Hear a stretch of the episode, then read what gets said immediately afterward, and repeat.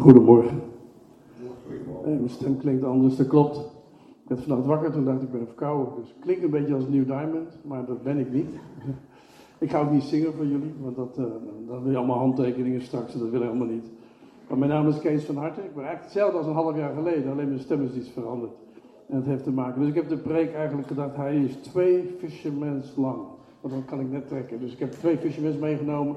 En als die op zijn, gesmolten in de mond, dan is de preek klaar. Dus uh, dan, dan, begint het te kriebelen in de keel. En dat uh, zei mijn vrouw vandaag, schat, zou je het leven niet even afbellen, want je klinkt als New Diamond. En toen zei ik, nou, misschien is dat juist wel leuk, weet je wel. Dus ik ga toch. Dus ik ben een beetje eigenwijs. Ik ben uh, Kees van Harten. Ik ben de eerste man van Romy en ook de laatste man, dacht ik van de week. Ik ben vader van een paar, ik ben opa van zeven, dat is het leukste. Ik ben voorganger van Jozua en Mozaïek. En, en ik ga stoppen. Is een gekke, gekke stapstad. Ja, dat heeft te maken met mijn preek. Ik heb 50 jaar gewerkt en ik, eind van het jaar word ik 70. En toen dacht ik, wat is dat een mooie tijd om te stoppen. Dus ik heb tegen mijn eerste kerk gezegd, dit is mijn laatste jaar. En tegen mijn tweede kerk waar ik werk, dit is mijn laatste jaar. Want ik zag mensen achter me staan, jongelui, nieuwe generatie, die het overnam. En dat past helemaal in het beeld. Wat ik wou zeggen vandaag, kerkenwerk en zendingswerk is een estafette. Geen marathon. Marathon loop je heel hard en dan val je neer en er is niemand die je opvangt. Als je niet gewonnen hebt. Als je gewonnen hebt, krijg je een prijs. De twee, nummer 2 en 3 tellen amper. In een estafette draag je het stokje en dan geef je het over. En ik voelde iemand achter me staan in Venendaal in Mozaïek en die zei van, joh, kan ik het stokje overnemen? Ik zei, ja hoor. Ik zei, jij mag het stokje overnemen. Dus heerlijk gedachte dat 1 januari hoeven we niet meer de wekker te zetten. Gaan we s morgens fietsen of leuke dingen doen. Dingen die we altijd al van plan waren. En ik heb natuurlijk zeven kleinkinderen. En waar ik uh, regelmatig voor mag zorgen. Vlakbij wonen nu ook. We zijn verhuisd naar Voorthuizen. Om dichter bij de gezinnen te wonen. En voor elkaar te kunnen zorgen. Mijn schoonzoon is ziek. En daardoor is het goed dat wij dichtbij wonen. Waar kanker. Dat wij hem kunnen helpen, hun kunnen helpen. Als hij dan misselijk is, dan zorg ik voor de kinderen zoals gisteren. Kwamen ze in één keer onverwachts om zes uur aanzetten, die twee. Opa, we mogen bij u komen slapen. Nou, dat kan dan. Dus opa is een soort mantelzorger geworden. En uh, dat, dat vind ik heel mooi om te doen. Tijd voor, voor nieuwe dingen heb ik gedacht. Ding, nieuwe dingen doen, dingen die ik nog nooit eerder gedaan heb. Ik ben uh, fulltime opa aan het worden. En, en een leuk, leuk incidentje een tijd geleden was dat uh, een van die kleintjes, die heet Tobias, die was zes, of die is zes. Die zei, opa, u bent wel heel oud? Toen dacht ik, ja, dat, dat, kan, je, kan je dat zo zien dan? Weet je wel, zo dat. Ja, ik zei, ik ben heel oud. En, uh, en u, doet, u, doet, ook veel begraven, opa. Ik zei, ja, dat hoort bij mijn werk. Ik begraaf mensen als ze doodgaan. En toen dacht ik, nou, dan komt natuurlijk de hele mooie vraag. Wie gaat u begraven? Dat is toch logisch, dacht ik. Weet je wat hij vroeg? Wie krijgt uw iPad? Helemaal niet van... Uh, wie gaat u begraven of hoe lang duurt het nog, weet je wel. Maar heel praktisch, want dat ding ligt hier. Hij is een van de zeven. En hij denkt, ja, die, die iPad kan je niet in zevenen delen, dus wie krijgt die iPad? Ik zat er ik moet even over nadenken. Toen ik over nagedacht, zei je wat ik doe? Vlak voordat ik dood ga, ga ik naar de Apple winkel en koop ik uh, zeven nieuwe iPads. En dan neem ik deze mee in mijn kist. en toen zei hij, hebben ze dan internet daar? Nou dat, dat weet ik dan weer niet. Ja, nou ja, goed. Als je, als je zo oud wordt dat die kleinkinderen vragen, opa, wanneer gaat u dood? Dan wordt het tijd om te stoppen. Weet je wel, tijd om te stoppen, actief te stoppen. Ga nog wel wat doen hoor, ik doe nog wel een beetje hier en daar wat trouwen en zo. Maar eh, terugkijken, dat vind ik wel mooi. Ik vroeg straks een pakje koffie. En de broeder die koffie schonk, die zei... Twintig jaar geleden of zo heb je gesproken over een preek en die kan ik nog herinneren. Toen dacht ik, als dat de impact is van het woord van God... En, en de preek was, aan de neus kan je de vader herinneren, herkennen. Ik werkte in Papua Nieuw-Guinea, ik wist dat verhaal nog, ik heb dat een keer hier verteld. Daar hadden we geen kliniek, we konden geen DNA-onderzoek doen. Maar ze zeiden, wacht maar tot de baby geboren is. En ik zei, maar je kan toch niet aan de baby zien wie de vader is? En toen zeiden ze, ja, dat doen wij wel. Wij kijken naar de neus. Toen dacht ik, kijk je naar de neus? Dus de papa was, keek je naar de neus dus dat kindje werd op tafel gelegd, was pas geboren, tien dagen oud. En de familie van het meisje stond erbij. En ik stond daar met een paar van mijn jongens van mijn drukkerij, waar ik leiding aan gaf. En ze deden dat mandje open, dat, dat, die, die pilum. En ik zag precies mijn kleine drukker liggen die, die, die voor mij werkte. Toen dacht ik, inderdaad, aan de neus kan je herkennen wie de vader is. Maar ja, dat zijn wij in Nederland niet gewend. Wij noemen dat DNA-onderzoek en dan kun je precies vaststellen. Maar zij zeggen aan de neus. En toen dacht ik, wat zou het mooi zijn als mensen aan ons kunnen zien, aan u en mij, morgen, vanmiddag, dat we bij de Vader horen. Dat we de neus van de Vader hebben. Dat ze ons herkennen. Dat ze zeggen, ja, maar u bent anders. Of u bent dat. Of u bent dat. Dat, dat, dat bedoel ik. En eigenlijk vind ik dat nog steeds. Ik geloof nog steeds dat mensen aan ons aan de buitenkant kunnen zien. En ik geloof ook dat de Heer Jezus daar een bedoeling mee had. Ik heb me altijd afgevraagd waarom de Heer Jezus tegen zijn discipelen zei dat wij schapen zijn. Wij zijn schapen van zijn kudde. Hij is de herder. Toen dacht ik, ja, maar een schaap is zo'n, ja, hoe noem je dat, een dier wat zich niet kan verdedigen. Weet je wel, een schaap die kan alleen maar, het is zelfs zo, als een schaap op zijn rug ligt, kan hij soms niet eens overeind komen. Als een schaap in het water valt, verdrinkt hij door de, uh, het vocht wat in zijn vacht gaat, in zijn wol gaat, zeg maar. Dus een schaap is, en ik woon op de Veluwe, dus als wij in het bos lopen, dan houden we er rekening mee dat er wel eens iets is wat op een wolf lijkt, wat je tegen kan komen. Nou, je weet, wolven, die, die maken gehakt van schapen. Die schapen hebben geen schijn van kans. Als die herder niet goed voor die schapen zorgt, dan pakt zo'n wolf, die pakt zo'n zo'n schaapje en die verscheurt hem. En ik hoorde zelfs dat hij niet eens helemaal opeet, maar hij, hij doodt hem om het bloed en om het hart, geloof ik. Maar hij eet het niet helemaal op, hij kluift hem niet af als zodanig. Maar hij, hij, hij, hij heeft geen schijn van kans. En de Jezus zei tegen zijn discipelen: Ik zend jullie ik zend jullie, en dat is een hele, hele bijzondere tekst in Lucas 10. Zie ga heen, ik zend u als lammeren tussen de wolven. En toen dacht ik, wij als kerk, als christenen, als individu, maar ook als groep, hebben geen schijn van kans. Want als je een lam bent, nou, dan heb je, een schaap heeft al geen kans tegen een wolf, maar een lam helemaal niet. Heeft geen kans. Waarom zei hij dat? Waarom had hij niet gezegd, ik, ik, ik stuur jullie als leeuw, dan hadden we ons kunnen verdedigen. Hadden kunnen terugslaan, hadden we kunnen pakken, hadden we kunnen brullen met een hele grote brul, weet je wel. Hadden we onze klauw kunnen pakken en zo. zo. Kijk, dat, dat maakt indruk, toch? Of niet? Als je als in Friesland bent, daar is een opvangboerderij voor wilde dieren. Serieus. En mijn schoonmoeder woont er vlakbij. En als zij op het balkon zit, dan kan ze de leeuw horen brullen. Die leeuwen die daar opgevangen worden voordat ze terug gaan naar Afrika. En dat klinkt over het Friese platteland angstaanjagend. Leeuwen die brullen met een enorm geluid. Het is 8 kilometer serieus. En in Drachten kan je het horen. Omdat het geluid van die leeuw dat draagt. Het is zo'n zwaar geluid dat je denkt van, oh, daar ga ik niet naar binnen. Weet je wel, want daar zit een leeuw. Dus dat is echt krachtig. En, en de Jezus zei tegen de ik stuur je niet als leeuw. Ik stuur jullie niet als leeuw. Maar zie, ik ga jullie iets bekendmaken, zei hij. Ik, ik ga jullie iets vertellen wat jullie wel zijn. Jullie zijn, jullie zijn schapen. Toen dacht ik, Jezus, had dat niet anders gekund? Dan hadden wij ons beter kunnen verdedigen.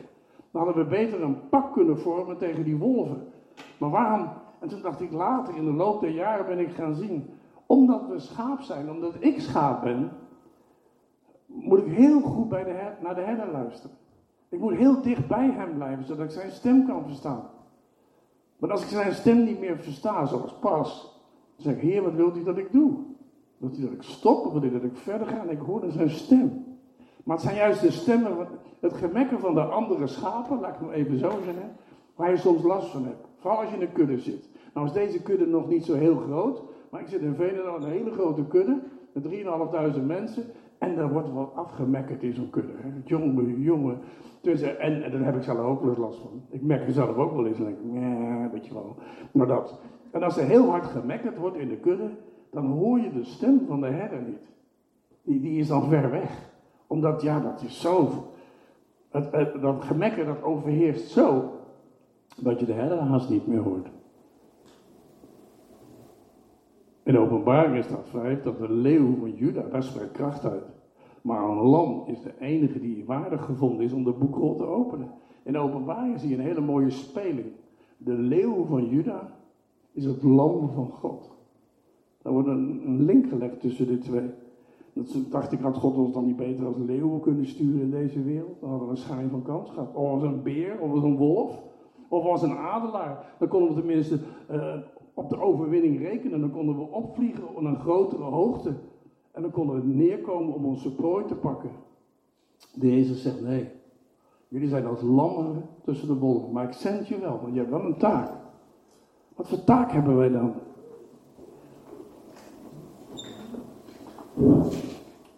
Deze kudde heeft een herder. En als je veel mekkert, kan je de stem van de herder niet meer horen. De stem van liefde, die een ander belangrijker vindt dan jezelf.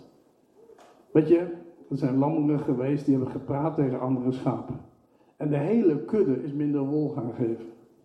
Ik weet niet wie het weet, in kerken in Nederland gaan dicht. Veel, veel kerken gaan dicht. Katholieke kerken gaan dicht, gereformeerde kerken gaan dicht, gaan fuseren. Ik las van de week een verhaal, in één dorp daar gaan vier kerken dicht. Ze hadden er vijf. Ik denk dat het gedeeltelijk komt dat we heel veel naar elkaar geluisterd hebben, naar het gemekker geluisterd hebben. En dat we heel weinig de herder in de gaten hebben gehouden. En wat ook gebeurt is dat de ene kudde praat over de andere kudde. Ik weet nog, toen ik tien jaar geleden in Veenendaal begon met muziek, toen heb ik zelfs uh, negatieve reacties gehad van andere uh, voorgangers, van andere dominees. Die gingen lelijke dingen vertellen over ons en over mij en over mijn collega Kees. Dat wij het alleen maar deden vanwege de wol. Omdat wij gek waren op wol. Nou, wol kriebelt. Daar ben ik helemaal niet gek op. Maar het ging helemaal niet om de wol. Het ging om, om de stem van de herder. Maar die andere herdertjes, kleine herdertjes, die gingen daar negatief over doen. Dat is wel verdrietig geweest. Tot, tot God tegen een van die herders zei, hou nou toch eens op met dat gemekken. Dat is letterlijk gebeurd. Een dominee uit de Giftenmiddenkerk vrijgemaakt. Die ging staan en die zei, jongens, laat nou eens hier ophouden. Hij was ophouden met dat gemekken tegen hun twee. Omdat hun kudde zo groot geworden is. Omdat ze zeiden, je, maakt gewoon grote fout. Dit is niet onze kudde. Het is zijn kudde. Als je dat niet ziet, dan ben je altijd in competitie met elkaar. Dan zit je elkaar altijd zwart te maken. Dan zeg je, ja, maar bij jullie mag alles. Jullie trouwen maar. En bij jullie dit en bij jullie dat. En dan ga je allerlei regeltjes ga je dan pakken. En die ga je dan gebruiken tegen de kudde. Eigenlijk doe je de herder schade aan. Als je veel praat over met een ander schaap, verleer je de stem van de herder. Weet je, er zijn ook schapen geweest die aan de buitenkant van de kudde zijn geraakt. Iemand zei iets negatiefs over de kudde. En ze hebben ernaar geluisterd. En als je aan de buitenkant van de kudde loopt, dan heb ik gelezen van de week, dan loop je het meeste risico. Weet je wat de veiligste plek is? In een kudde op de Veluwe, midden in de kudde. Want de wolven komen altijd van de buitenkant. Ze komen niet aan de binnenkant. En daarom is het zo mooi, dat zie je ook in de natuur. Kleine, de, jong, de jonge dieren worden altijd aan de binnenkant van de kudde gehouden. Zodat de ouderen, dan vooral de, de oudere schapen, die beschermen dan als het ware dat, jong, dat jonge spul. En, en, en, en wat er gebeurt in de gemeente, als iemand luistert naar het gemekken van een ander schaap. Van, ah, nou je kent dat wel, ik ga niet precies nadoen, maar ah, het gras is veel groener, weet je wel, dan krijg je dat. En dat is helemaal niet erg om naar een andere kudde te gaan. Als je de stem van de herder hebt verstaan. Maar als je de stem van de herder niet hebt verstaan, maar je gaat puur op op het geblaas van een ander schaap af. Dan, dan kan het best zijn dat je aan de buitenkant van de kudde komt en ik hoef maar een wolf langs te komen. Ik zal een wolf noemen, uh, ontmoediging. Ik word niet gezien. Ik heb geen taak. Ik tel niet mee. Er is niemand die mij gedag zegt. Jullie niet want jullie beginnen de dienst met gedag zeggen. Dat geldt niet voor jullie. Maar het kan zomaar binnensluipen in je hart dat je denkt, maar ik doe niet meer mee. Want niemand heeft mij nodig. Ze vragen me nooit wat. Nou, al dat soort dingen. Dat noem ik wolven. Wolven die binnen kunnen komen in de kudde, die heten ontmoediging. Wolven die, ja, het jonge vee wegnemen, omdat ze denken, er is toch niemand die voor ze zorgt. Weet je, er zijn lammeren geweest die de wol belangrijker vonden dan het vlees. Dat hebben we altijd. Die zijn, die zijn, we gaan helemaal voor de wol. En we vinden het vlees helemaal niet zo belangrijk. En, en er zijn, er zijn, er zijn hoe het, schaapjes geweest die zeiden, eigenlijk kan je de stem van de herder niet zo goed vertrouwen. Want soms dan horen we hem niet. Weet je, dan zien we hem niet, we horen hem niet. En dus toch zegt de Jezus in Johannes 17, vers 26. Ik heb hun uw naam bekendgemaakt en ik zal hem bekendmaken. Opdat de liefde waarmee gij mij lief gehad hebt, in hen zij en ik in hen. Johannes 17, vers 26. Ik heb hun uw naam bekendgemaakt. Vader, dan kan je ook zeggen, vader, ik heb de discipelen verteld wie u werkelijk bent. Ik heb verteld wat, wat uw naam is. Nou, jullie weten dat ik zendeling ben geweest. In Nederland is dat helemaal niet zo belangrijk, een naam. Maar in sommige landen is een naam heel belangrijk. Dus je ziet ook in het Oude Testament, hè? Als, als, als ergens wat gebeurd was, dat de God zei, ik, geef je een nieuwe naam. Dit was je oude naam, die hoorde bij je oude identiteit. Maar ik geef je een nieuwe naam. En Heer Jezus doet het ook. Denk maar aan Petrus bijvoorbeeld. Of er zijn anderen in het Nieuwe Testament die hadden een naam. En dan zei de Heer Jezus, maar ik geef je een nieuwe naam. En die nieuwe naam had met identiteit te maken. Met wie je werkelijk met je nieuwe identiteit. En als je, als je tot geloof gekomen bent, dan mag je weten, ik heb het oude achter me gelaten. Ik ben een kind van God. Ik ben een christen. Ik vind dat zo mooi. Toen ik bij de papen was, was heb ik regelmatig tegen mensen mogen zeggen, nee, ik doe dat niet. Want ik ben een christen. Ik volg Christus na. En dat gebeurde nog wel eens dat iemand een, bijvoorbeeld een voorstel deed, omdat hij ontzag als blank. Het gebeurde keer in een hotel. Ik was met mijn broer, die was daar, die was op vakantie bij ons alleen. En we waren samen een weekend weg. En heb je twee van die witte mannen in een hotel. Dus de bewaker dacht, dat zijn toeristen. Die kon aan, de buiten, aan onze neus niet zien dat we van Jezus waren. En hij kwam en hij zei, dag meneer. Ik zei, dag meneer. Hij zei, ik heb twee hele jonge nichtjes voor u. Ik zei, oh, leuk. Ik zeg, maar hebben geen interesse in. Toen zei hij, ja, maar ze zijn heel jong. Ze zijn 14 en 15. Nou, ik zit als een mooie leeftijd. Ik zeg, maar wij hebben daar geen interesse in. Hoezo, zei hij, bent u gay? Ik zeg, nee, ik ben niet gay. Ik, eh, ik ben christen. En toen keek hij me aan en toen zei hij, bent u christen? Toen dacht ik, zie je, het is nog niet goed zichtbaar aan mijn neus. Weet je, anders had hij dat niet gezegd, hè. En eh, ik zei, nee, ik ben christen. Ik zeg, nog sterker, ik ben een zendeling in dit land. Hij zei, u bent een man van God. Ik zei, dat is wel de bedoeling. Weet je wel. Hij zei, die slechte meid, ik zal zorgen dat ze niet u lastig vallen. Weet je wel. Hij draaide als een blad aan de boom om. Eerst wou hij ze verkopen aan mij voor één nacht. Dat was er maar 20 dollar, geloof ik. En toen zei hij, die slechte meiden, die proberen u te verleiden. Ik zal zorgen dat ze niet bij uw kamer komen. Ik zei, ik vind het heerlijk. En hij heeft drie dagen lang voor onze hotelkamer gezeten, met pijl en boog. Om ons te beschermen tegen dat wat niet bij ons hoort, omdat we anders zijn. Ik ben christen. Ik doe anders. Ik doe Christus na. Ik heb zijn naam bekendgemaakt en ik zal hem bekendmaken. Toen dacht ik, dat gaat over u en mij. Wij zijn uit het oude leven zijn we gestapt. We hebben dat losgelaten. Ik was 17. Terugkijken denk ik, ik had het eerder moeten doen. Met 15. Zo goed is die keuze geweest om Jezus te gaan volgen. En in de loop der jaren ben ik steeds meer veranderd van binnenuit. En ik heb steeds meer gemerkt dat die, dat die neus aan de buitenkant misschien nog wel een beetje hetzelfde is gebleven. Maar aan de binnenkant ben ik steeds meer veranderd. En, en dat is mooi als je daar terug kan kijken. Dat je kan zeggen, hé, hey, ik heb een nieuwe naam gekregen. Nou, papa was dat niet zo belangrijk, maar toen ik als bijbelvertaler in Oezbekistan was... En we waren bezig met de bijbelvertaler in het Oezbeeks, het Nieuwe Testament. Toen zei een van de bijbelvertalers, Kees, wat betekent jouw naam eigenlijk? Ik zei, Kees, dat betekent Cornelis Willem. Ik ben vernoemd naar mijn opa. En toen zei hij, maar dat is niet wat jij bent. Ik zei, nee, dat is wat mijn opa was. Die heette Cornelis Willem, dus ik heet ook Cornelis Willem. En mijn zoon heet ook Robert Willem. Ik zei, dat heb ik gewoon doorgegeven aan de volgende generatie. En toen zei hij, maar jouw naam is toch niet wat jou, wie je bent? Dat is gewoon dat jouw vader jou gegeven. Hij zei, je hebt toch een nieuwe identiteit? Ik zei, ja. Hij zei, Kees, wij als bijbelvertalers, we waren met z'n twaalfen, hij zei, wij hebben over jouw naam nagedacht. Kees past niet meer bij jou. Ik zeg, wat leuk. Doe me zo'n voorstel. Ik heb bijvoorbeeld een Davy of zo, iets moderners, weet je wel, dacht ik. Of een Robert of zo, ik vond het al helemaal leuk. Maar goed, dit waren Oezbeken. En die, die kenden die nieuwe naam allemaal niet. Dus die gaven me een prachtige naam. Kabbel Jonneke. Nou, ik vond het zo mooi. Het klinkt net als kabeljauw. of kibbeling als je heel snel spreekt. Maar ik moest er echt wennen aan mijn nieuwe naam. Want zij zei, vanaf nu heet jij Kabbel Jonneke. Ik zei, maar wat betekent dat dan? En ik heb het even meegenomen, ik kan het niet zo goed onthouden. Er staat bij, het is in Engels, capable, gifted, skilled, obedient. Do your best to present yourself to God as one approved by Him. And who has the need and no need to be ashamed. Teaching, explaining the word of the truth. 2 Timotheus 2, vers 15. En hierboven staat, in de eerste rij kan het zien in het Oezbeeks, daar staat Kabul Jonneke. En ik moest er zo aan wennen als die dag daarna, toen zei ik van, ik kwam op kantoor en zei ze, goedemorgen Kabul Jonneke. En ik dacht, over wie hebben ze het? Ik moest er echt aan wennen, op straat ook.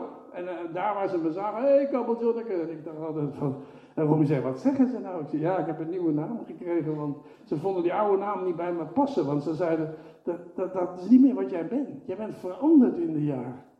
Je bent meer op God gaan lijken. De buitenkant is misschien wel hetzelfde gebleven, maar de binnenkant is veranderd. En ze zeiden, daarom geven we jou een nieuwe naam. De Jezus deed dat ook. Hij zag Petrus en zei, Petrus, ik geef je een nieuwe naam. Je hebt een nieuwe identiteit gekregen. En toen ik daarover na zat te denken, dacht ik, jullie, zoals je hier zitten verborgen, we zijn, we zijn uit de duisternis tot het licht gekomen. We hebben ons leven aan God gegeven. We hebben gezegd, Heer, ik ben van u. En dan hebben we eigenlijk nodig een nieuwe naam. En dat staat in de openbaringen.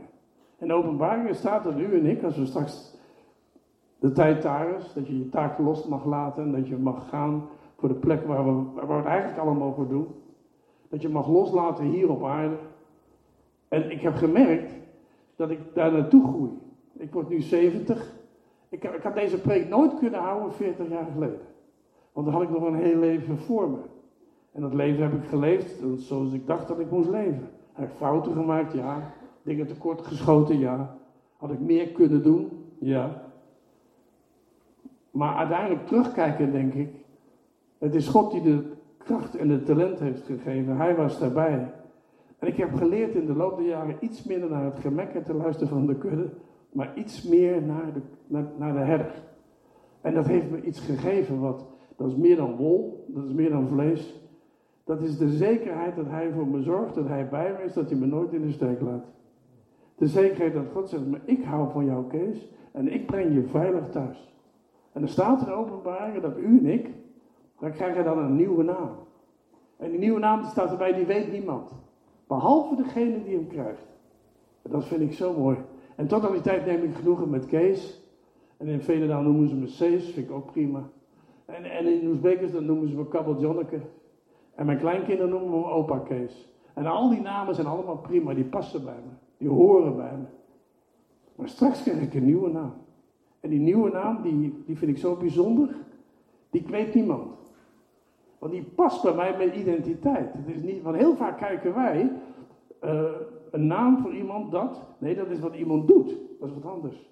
Dat is wat iemand gedaan heeft. Ik ben de oud voorganger, ik ben oud dit, ik ben oud ondernemer, ik ben een oud zendeling. Ik ben oud. Dat. En dan krijg je dat op je cv en dan zeg je zo, die is oud. Zo oud dat je kleinkinderen zeggen, wie krijgt de iPad? Weet je wel, dat. Maar God heeft ons een naam gegeven, niet wat we gedaan hebben, maar wie we zijn. Wie we werkelijk zijn, ten diepste van binnen. Je bent een kind van God, je bent geliefd door de Hemelse Vader. God kan je gebruiken deze week om tegen iemand het licht te zijn. De waarheid te zijn. Iemand mee te nemen in dat, in dat genezend proces dat hij dat hij mag zijn wie hij is en dat God van hem houdt en dat God in staat is om alles te veranderen. Want hij heeft die naam, Christus heeft die naam aan u en mij gegeven. U bent een christen. En dat is een ontzettend krachtig woord. Toen ik in Oezbekistan was, vroegen de mensen mij wel, Kees, ben jij een moslim? Ik zei, nee, ik ben geen moslim. Ik ben een christen. Oeh, wat was gezegd. Dan ging er zo'n zo, zo, zo, dat was ook wel spannend. Ik heb ook wel spannende dingen meegemaakt. Ja, zeker toen de politie een keer bij mij aan de deur kwam. En zei meneer Van Harten, bent u echt een zendeling? Ik zei, ik ben een christen. Weet je wat dat? En toen zeiden ze, maar weet je dat in ons land dat niet gezegd mag worden? Ik zei, dat wist ik. Maar ik zei, volgens mij staat er in de wet dat, dat je hier vrijheid van godsdienst is. En zei ze, ja, maar dat geldt niet voor u. Ik zei, oh, dat had ik gedacht. Dat had ik op gehoopt. En toen zeiden ze, nee. Maar toen hadden wij de naam van Jezus al bekendgemaakt door het Bijbelvertaalwerk wat we deden.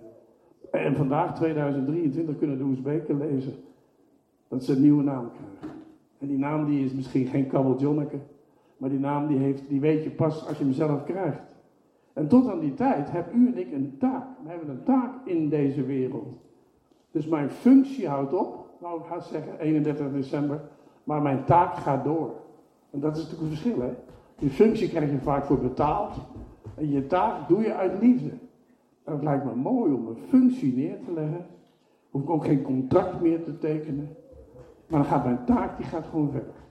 En die taak is, wat de Jezus mij heeft laten zien, u en ik, om dat tegen mensen om ons heen te vertellen. Ik heb hun naam bekendgemaakt dat Jezus voor zijn dood. Dit is een gedicht, een tijdje geleden geschreven. Gerelateerd aan Johannes 17, vers 26. Ik heb hun uw naam bekendgemaakt, wat Jezus voor zijn dood. Maar als hij sterft, wordt God stil van zijn naam beroofd. Nooit eerder werd het zo stil. Het woord van God wordt het zwijgen opgelegd. En de heiligen worden door het vuil gehaald. De sterke rots wordt zwakker dan een zieke man. En de Heere laat zich door zijn knechten vernederen. De herder wordt door zijn schapen geslacht. De schepper verliest het auteursrecht over de schepping. En de leidsman ten leven eindigt op een doodlopende weg. En de afdruk van Gods wezen wordt weggevaagd. De rechter zelf gaat aan het recht ten onder. De waarheid stikt in de leugen. De blinkende morgenster dooft uit. Ik ben, de machtige is niet meer. En waarom die doodse stilte drie dagen lang? God staat zijn naam af om ons, om ons zijn naam toe te vertrouwen. Ik heb hun uw naam bekendgemaakt en ik zal hem bekendmaken. Op de kruispunt van de geschiedenis krijgt de naam van God een gestalte in een mens, Jezus Christus. Maar als Jezus Christus zijn werk heeft volbracht, kan de Heilige Geest de naam van God verder dragen. Na drie dagen stilte klinkt zijn stem weer overal in de wereld. God werd van zijn naam beroofd, maar hij liet zich beroven om jou en mij zijn naam te kunnen toevertrouwen. Wat vraagt dat van ons, van broers en zussen? U zit in de kudde hier in Zutphen. Dat je eendrachtig wil zijn. Romeinen 15. Omdat u eendrachtig wil zijn. Ik vind het een grappig woord. Als de Jezus praat over dat we schaapjes zijn. En Paulus schrijft in de Romeinenbrief dat we eendrachtig zijn. Dat betekent één van dracht. Dezelfde dracht. Als, u, als jullie gezamenlijk verlangen is om, om Zutphen te bereiken met de mensen die, die mensen te bereiken in Zutphen die Jezus nog niet kennen, dan ben je eendrachtig. Dan zorg je voor elkaar, dan draag je dat uit in de dingen die je doet. En, en, en misschien heb, zit je hier vanmorgen en dan zeg je, nou, ik heb ook wel eens in deze kudde lopen te mekkeren. Nou, dan is daar een hele goede reden voor om dat tegen iemand te zeggen. Dan joh, sorry voor wat ik gemekkerd heb. Ik heb dat pas meegemaakt. Ik ben een tijdje voorganger geweest in Leef Doetinchem. En een van de broeders uit Leef, die kwam naar me toe en die zei, Kees, wil je mij vergeven? Toen zei ik, man, dat is bijna twintig jaar geleden. En toen zei ja, ik was aan het bidden. En ik was ineens bewust dat ik jou toen niet uit de kort heb geschoten. Ik heb je alleen gelaten, ik heb je laten zwemmen, ik heb je niet geholpen. En ik zou je vertellen, na twintig jaar, als een van de schapen naar je toe komt en zegt, wil je mij vergeven? Dan hoor je de stem van de herder. Ik wel. Ik zei tegen hem, natuurlijk wil ik je vergeven, man. Ik zeg, ik, heb er wel aan gedacht hoor, maar ik neem het niet, niet kwalijk. Hij zei, nee, ik neem het mezelf kwalijk. Dat ik jou heb laten zitten. Hij zei, ik heb het gemekker van de kudde gehoord in plaats van de stem van de herder. Wil je mij vergeven? Nou, ondertussen, hij is 75 en ik ben bijna 70 en dan komen die twee dikke buiken tegen elkaar aan. Oh, dat is zo'n lekker gevoel, hè. Weet je wat het heet? Dat heet vergeving. Maar dat heet ook uh, de reactie erop dat iemand kan zeggen, wil je mij vergeven? Natuurlijk vergeef ik je. Nou, we hebben gehukt daar in het kantoor, zal ik je vertellen. Dus ik kwam thuis, ik zei tegen Romy, je wil niet, je wil niet weten hoe fijn die buik van Piet voelt. En toen zei ze, hoezo? Ik zei, nou, ik zal je vertellen. Die, die, die twee buiken tegen elkaar, ik voelde het vloeien. Ik zeg, ik voelde het vloeien. Dat is iets van de genade van God. En dat is de hemel die zich opent. Dat de ene broer tegen de andere broer zegt, hé schaap, ik heb gemekkerd in de kudde tegen jou of over jou. En had ik niet moeten doen. Ik dacht dat het om de wol ging, maar ik was helemaal vergeten dat er ook vlees was. Maar als we zo met elkaar omgaan, broers en zussen, dan geldt die laatste tekst. Daarom schaamt God zich niet voor hen een God te heten, want hij heeft hun een stad bereid. In de stilte van het kruis spreekt God zich uit. Hij zegt voortaan, draag jij mijn naam maar. Draag jij mijn naam maar. Ik wil je vandaag bemoedigen. Bemoedigen dat je deel bent van een kudde. En, en dat je blijft te luisteren naar de stem van de herder. Die vooraan gaat. Natuurlijk zijn er onderherdertjes, hè, mensen die voorgangers zijn of oudsten. Daar moeten we zeker naar luisteren, daar moeten we voor bidden. Hebben soms een hele zware taak en soms is het gewoon heel lastig om oudste te zijn. Daarom vond ik het heerlijk dat ik al mijn taken kon neerleggen. Dat ik kon zeggen, ik ben klaar. En nou mag de nieuwe generatie maar gaan doen. Die zijn veel sneller met zo'n iPad dan ik, weet je wel. Die snappen helemaal dingen, maar die zijn ook klaar. God heeft generaties bedacht in de gemeente. En de nieuwe generatie die mag het overnemen, daar we de oude generatie, maar ik blijf voor je bidden. Dus de functie houdt op, maar de taak die blijft. De roeping die blijft. God heeft ons geroepen tot aan het eind toe.